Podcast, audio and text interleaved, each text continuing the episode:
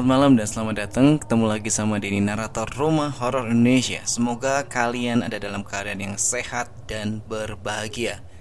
Malam hari ini saya akan meneruskan cerita yang lalu mengenai 40 hari Karangannya Mbak Ninda. Dan link pembelian bukunya ada di deskripsi. Oke langsung saja inilah dia 40 hari part 2 Dua hari kemudian aku dan Indah kembali ke rumah itu dan membawa serta pakaian dan barang-barang kami. Pak Ade sedang tidak ada di sana. Dia hanya menitipkan kunci yang disimpan di bawah salah satu pot bunga di halaman depan. Masih sepi saja seperti kemarin. Tanpa pikir panjang, kami langsung menuju ke kamar kami di belakang. Sedikit-sedikit kami mulai merapikan barang dan menaruh pakaian kami di lemari masing-masing. Sambil bercengkrama dan memutar lagu dari handphone biar tidak terlalu sepi. Indah memilih kasur yang berhadapan langsung dengan jendela. Alasannya kalau dari situ Dia tidak perlu berhadapan langsung sama pohon delima. Aku juga tidak tahu apa hubungannya posisi kasur dengan pohon delima. Ada-ada aja. Pukul 19 setelah selesai merapikan barang, kami pun membuka bungkusan mie ayam yang sempat kami beli di jalan sebelum kemari. Rasanya lumayan dengan harga yang murah dan porsi yang banyak. Selesai makan, aku dan Indah mulai mengobrol tentang rencana magang untuk esok harinya. Ketika asik mengobrol, tiba-tiba kami mendengar suara barang yang jatuh di area ruang tamu. Keras sekali, sampai-sampai kami menghentikan pembicaraan kami. Suara apaan ya itu ya? Tanya Indah setengah takut. Mau cek ke sana? Ajakku. Jangan, gak usah deh. Mungkin orang yang tinggal di kamar depan jatuhin barangnya, ujar Indah. Kami pun tidak mengindahkan lagi suara tadi. Mungkin salah satu dari Pak Burhan, Mas Tama atau Irawan yang ada di ruang tamu. Atau mungkin Mar, penghuni kamar sebelah. Ah biarlah. Mungkin sekarang nggak perlu sosialisasi dulu sama penghuni kos yang lain. Pukul 21. Semakin malam semakin terasa sepinya rumah itu. Cuaca Jakarta sangat panas bahkan malam hari. Tetapi aku masih tetap merasakan ada hawa dingin yang ikut berbaur di sana. Kami memutuskan untuk tidur cepat agar besok tidak kesiangan. Hari pertama magang, masa mau kesiangan? Indah menyuruhku untuk menutup jendela. Alasannya biar nggak ada nyamuk yang masuk. Ketika hendak menutup jendela, aku mendengar ada suara seperti orang membuka pintu, persis dari kamar sebelah. Aku sempat terdiam. Suaranya pelan sekali. Sepertinya orang yang membuka pintu ini memang sengaja membukanya perlahan. Indah tiba-tiba memanggilku. Sar, Kok lo malah bengong sih suruh nutup jendela? Aku buru-buru menutup jendela dan duduk di atas kasur. Shh, dengerin deh. Lo denger suara gak dari sebelah?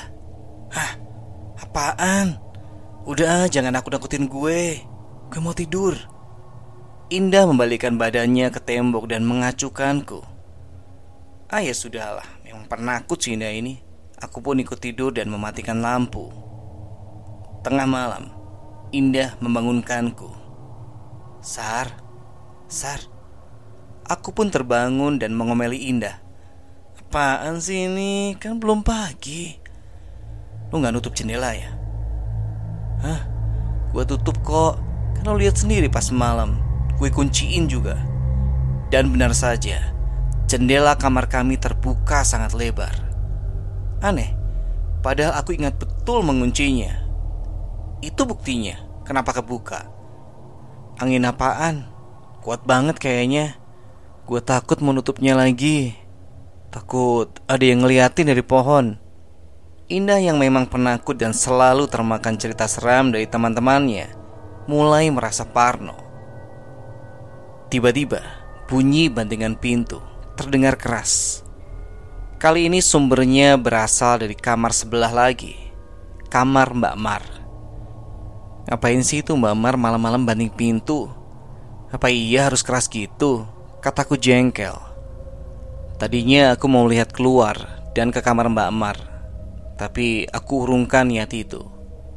Akhirnya aku tutup lagi jendelanya dan menyuruh Indah tidur lagi. Keesokan paginya kami bertemu Pak Ade yang sedang menyapu halaman depan. Dengan wajah sumringah dia menyapa kami. Bagaimana Neng istirahatnya semalam? Biasa aja sih pak. Cuman ada suara-suara sih dari kamarnya Mbak Mar. Kami nggak berani lihat. Takutnya mengganggu juga. Ujarku mengadukan kejadian semalam. Pak Ade hanya tersenyum dan bilang kalau itu hal biasa kalau Mar pulang. Ketika kami hendak pamit pergi Pak Ade tiba-tiba bicara lagi. Tapi Neng, setahu saya Mar tidak pulang semalam kami menghentikan langkah dan saling berpandangan. Tapi kami tetap melanjutkan untuk berangkat karena takut terlambat.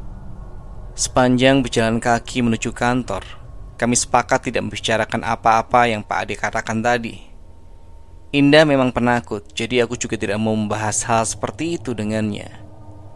Kami menjalani program magang di instansi pemerintah tersebut dengan lancar. Sudah kurang lebih tiga minggu kami di sana. Setiap malam kami terus mendengar suara-suara itu. Namun suara itu berpindah tempat.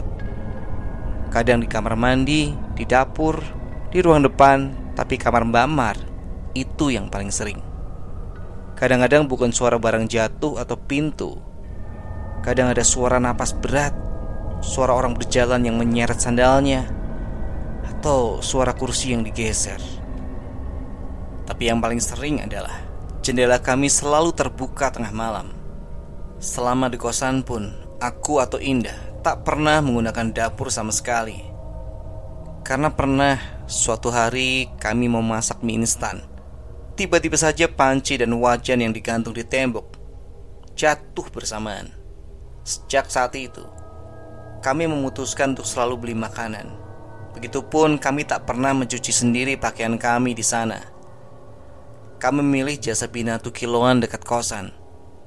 Niat mau berhemat di Jakarta pun kami urungkan karena hal semacam ini yang membuat kami parno. Dari semua penghuni kosan, hanya Pak Burhan yang selalu kami temui. Selainnya, kami hanya dengar namanya dari Pak Ade. Terdengar fiktif nama-nama itu, karena kami tidak pernah melihatnya langsung. Selama tiga minggu ini pun, kami berdua tidak pernah membahas suara-suara itu sampai kami selesai magang di Jakarta. Kami juga tidak bercerita apa pun kepada Pak Ade. Hari ke-40 pun tiba. Hari itu hari terakhir magang. Hari terakhir kami kos di Jakarta juga. Setelah berpamitan dengan pegawai-pegawai kantor di tempat magang, aku dan Indah bergegas pulang untuk membereskan barang-barang kami. Besok pagi kami harus segera pulang. Sesampainya di rumah kos, suasana tidak ada yang berubah tetap sepi dan senyap. Ketika kami hendak menuju kamar di belakang, kami sungguh kaget. Pintu kamar kami terbuka lebar. Kami segera berlari dan menemukan barang-barang kami berantakan. Semua isi lemari dikeluarkan dan diacak-acak. Kami sempat berpikir kami dirampok, tapi agak mustahil karena tadi saat kami masuk rumah dalam keadaan terkunci. Barang-barang kami pun untungnya tidak ada yang hilang. Aku segera menghubungi Pak Ade. Sayang, kami telepon berkali-kali pun Pak Ade tidak menjawab. Kami segera merapikan baju-baju kami dan memasukkannya ke dalam koper. Indah bersikuku ingin pulang malam ini juga. Saat keluar kamar sembari membawa koper, kami melihat untuk pertama kalinya pintu dan jendela kamar Mbak Mar terbuka. Indah hanya terdiam, terpaku dan tidak ingin melihat apa yang di dalam dia sudah kepalang parno. Aku pun memberanikan diri untuk mengintip, dan ternyata kamar Mbak Mar hanya ruangan kosong. Tidak ada kasur atau lemari layaknya kamar kami. Hanya ada satu kursi kayu dan tali tambang di bawahnya. Aku segera melihat Indah. Dia tiba-tiba menangis dan memejamkan matanya. Dah, lo kenapa? Aku segera menghampiri Indah namun belum selangkah pun aku menghampiri Indah. Ada yang menepuk pundakku Aku pun segera berbalik. Rasanya badanku langsung menggigil. Napas pun seakan berhenti. Jantung berdetak tak beraturan. Sesosok perempuan dengan rambut acak-acakan tak karuan menutupi wajahnya. Bergaun putih seperti baju pengantin tempo dulu.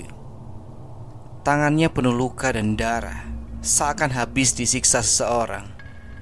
Dan tubuhnya mengeluarkan bau yang sangat busuk. Nafas perempuan itu terdengar berat. Dia mencengkeram erat pundakku. Tiba-tiba perempuan itu berteriak kencang. Refleks aku pun ikut berteriak dan melepaskan cengkeramannya Dan segera berlari menuju ruang tengah.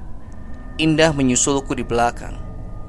Kami gelagapan membuka kunci pintu yang biasanya kami lancar membukanya Tiba-tiba dari arah luar Ada yang membuka pintu dan mendorong tubuh kami hingga jatuh ke lantai. Seketika kami melihat ke arah pintu Dan ada dua orang lelaki masuk Pak Ade dan Pak Burhan.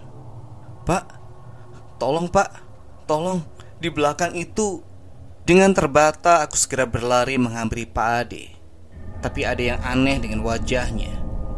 Wajah Pak Ade pucat dan tidak tersenyum sedikit pun Begitupun juga dengan wajah Pak Burhan Tatapan mereka sangat dingin Dengan cepat Pak Burhan tiba-tiba menarik paksa tangan Indah Dan membawanya ke belakang Indah menjerit-jerit dan berusaha melepaskan diri Aku melihat Pak Adi lagi dan kini wajahnya berubah.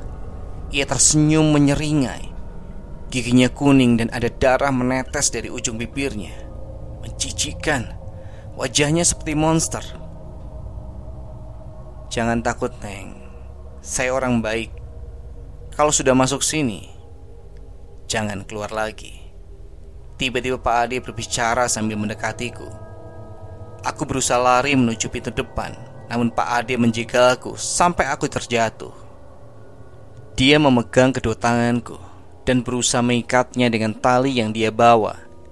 Aku berusaha berontak, namun tenaga Pak Ade terlanjur kuat.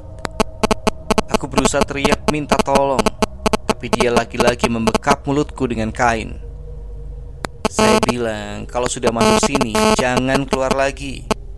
Di sini memang bikin betah kan? Pak Ade tertawa terbahak-bahak sambil melihatku. Aku merasa tidak berdaya. Tenagaku seolah habis untuk membuat perlawanan. Pak Ade pun tiba-tiba mencoba untuk mencekik leherku. Nafasku tersengal. Ya Tuhan, apa aku akan mati sekarang? Aku berusaha berontak, namun cekikannya semakin membuatku lemah. Tiba-tiba semua menjadi buram dan perlahan semua gelap. Dek, dek, ku buka mataku perlahan. Ada cahaya putih yang begitu terang. Aku memicingkan mata sejenak, kemudian melihat di sekitarku. Di mana aku? Kenapa banyak orang yang mengerumuniku? Aku mengedipkan mataku berkali-kali dan memegang tubuhku yang berasa diikat tadi. Aku menyentuh leherku yang terasa sakit saat dicekik tadi. Dek, nggak apa-apa. Tadi tidurnya teriak-teriak Jadi bikin khawatir Ternyata aku masih di perjalanan kereta dari Bandung menuju Jakarta Aku sedari tadi ketiduran Sudah 40 menit sejak kereta berangkat dengan perasaan malu dan wajah memerah, aku meminta maaf pada beberapa penumpang lain yang mungkin merasa terganggu dengan ulahku tadi. Aduh, mimpi apaan tadi? Kok serem banget? Baru 40 menit tapi udah berasa kayak 40 hari Pikiranku tak karuan karena masih malu Rasanya ingin turun saja di jalan kalau kereta ini nanti berhenti Sesampainya di stasiun aku langsung bertemu Indah Aku bercerita kepadanya perihal mimpi anehku yang telah membuat malu di kereta Indah hanya tertawa terpinggal-pinggal mendengarnya Coba gue ada di situ, gue rekam, pasti jadi viral. Kami pun langsung menuju ke tempat kosan yang memang berlokasi di Jalan Pete 12 nomor 57. Ternyata memang lokasinya di pemukiman padat yang cukup sulit mencari alamat di sana. Yang beberapa rumah masih bernomor acak. Kami pun bertanya kepada salah seorang warga yang kebetulan sedang berada di luar rumahnya. Seorang ibu yang sedang menyapu halaman rumahnya. Permisi bu, mau nanya Tahu alamat rumah ini nggak bu? Indah bertanya dengan sopan kepada ibu itu Sambil memberikan secari kertas bertuliskan alamat kosan. Dengan cepat si ibu memberikan kembali kertas itu sambil berkata Rumah paling pojok neng. Dari sini lurus saja. Pokoknya paling pojok. Sambil berlalu membawa masuk sapunya. Hmm Apa hampir semua warga di sini kurang ramah? pikirku. Kami pun mengucapkan terima kasih dari luar rumah Dengan agak keras. Berharap ibu tersebut mendengarnya Kami terus menyusuri jalan dan sampailah kami di ujung jalan. Akhirnya sampai juga ini Suaraku mendadak pelan dan melambat. Mataku benar-benar terbelalak melihat rumah yang ada di depanku ini. Rumah ini... Indah Ujarku berbisik pelan. Persis seperti yang ada di mimpi gue. Indah sempat menatapku bingung. Ya ampun Mimpi yang tadi gak usah dibawa-bawa lah Indah mengira aku sedang bergurau Serius Sumpah Mirip banget tuh Ini rumah tua sebelahnya ada lapang kosong lagi Tiba-tiba tanpa terasa Keringat dingin bercucuran dari dahiku ini benar-benar di luar dugaanku. Aku sempat mencubit tanganku untuk memastikan kalau ini bukan mimpi. Tentu saja sakit, dan ini bukan mimpi. Udah ah, lo ngaco deh. Yuk masuk dulu tanya-tanya sama yang jaga rumah.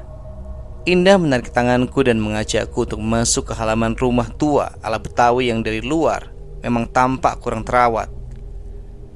Begitu masuk, kami disambut langsung oleh Pak Ade, si penjaga kosan. Dia mengizinkan kami masuk. Saat di dalam, aku merasakan kembali hal aneh.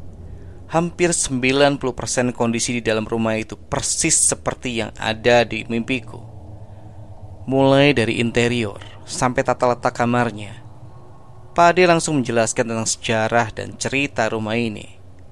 Menurut Pak Ade, pemiliknya sudah lama meninggal dan anak-anaknya sudah berkeluarga dan memutuskan untuk tinggal di rumah masing-masing. Jadi rumah ini kosong dan diputuskan untuk disewakan sebagai kamar kosan. Yang tinggal di sini lanjut Pak Ade. Kebanyakan laki-laki, kamarnya ada tiga yang dalam rumah. Nah, kamar neneng ini ada di belakang, sebelahan sama kamar penghuni perempuan lainnya. Pak Ade mengajak kami lagi ke halaman belakangnya. Ya Tuhan, lagi-lagi ini persis seperti mimpiku. Aku memegang lengan Indah. Biasanya Indah yang penakut, tapi sejak mimpi tadi, aku menjadi jauh lebih penakut daripada dia. Eh, kenapa sih lo? Masih ada yang sama lagi dengan mimpi. Gak enak nih sampai Ade. Bisik Indah pelan yang juga risih karena aku terlalu erat memegang tangannya. Aku hanya terdiam sambil melihat-lihat sekitar. Ketika Pak Ade tengah menunjuk lokasi kamar kami, tiba-tiba aku melihat sesosok perempuan berdiri di depan kamar, sebelah kamar kami. Wajahnya tertutup rambutnya yang bentuknya tak karuan. Dia memakai gaun putih yang banyak berlumuran darah. Aku semakin kuat menggenggam lengan Indah sambil memalingkan wajahku. Kenapa sih? Sakit tau? Bisik Indah pelan.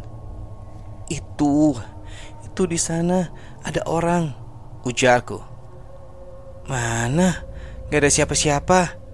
Udah desar, lo bikin gue parno lama-lama. Indah agak kesal dengan sikapku.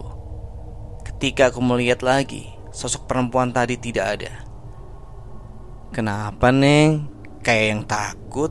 Pak Ade bertanya kepadaku sambil melemparkan senyumnya. Oh, enggak, Pak. Enggak apa-apa. Itu sebelah kamar kami, kamar siapa ya? Tanyaku. Oh itu kamarnya Maria Dia sudah lama gak pulang ke sini Kira-kira sudah 40 hari Terakhir dia bilang mau pulang dulu ke kampungnya Jawab Pak Ade sambil mengingat-ingat Maria Mar Loh kok namanya sama seperti perempuan dalam mimpiku lagi-lagi aku melamun, memikirkan mimpiku tadi dan kaitannya dengan nama Maria. Ya sudah, ayo ke kamarnya sekarang, ajak Pak Ade sambil berjalan ke arah kamar kami dan membuyarkan lamunanku. Sambil berjalan, aku melihat-lihat lagi kondisinya. Benar-benar seperti di Javu semuanya. Mirip sekali dengan apa yang aku lihat di dalam mimpi. Dan semuanya terlihat kurang terawat dengan baik. Aku juga melihat-lihat ke belakang, ke kiri dan ke kanan. Masih penasaran dengan sosok perempuan yang tadi aku lihat. Sesampainya di depan kamar, Pak Ade membukakan kunci kamar. Beliau pun masuk duluan. Indah yang ada di depanku masuk menyusul Pak Ade. Ketika hendak melangkahkan kaki menyusul mereka, tiba-tiba saja aku merasakan seseorang memegang pundakku. Langkahku pun terhenti. Ingin rasanya aku berbalik dan melihat siapa yang memegang pundakku ini. Tapi lama-lama cengkeramannya menguat. Pundakku terasa berat. Aku tidak bisa berkata-kata, apalagi berteriak memanggil Indah. Kulihat sepintas tangan yang mencengkeram pundakku. Jari jemarinya lentik, namun kukunya panjang, tajam dan hitam. Aku tak berani menoleh lagi. Saking takutnya, aku mencoba memejamkan mata dan berharap semoga ini hanya mimpi. Ya itu tadi penutup dari cerita 40 hari karangannya Mbak Ninda. Semoga kalian suka, semoga kalian terhibur. Sampai ketemu di cerita berikutnya. Selamat malam, selamat beristirahat.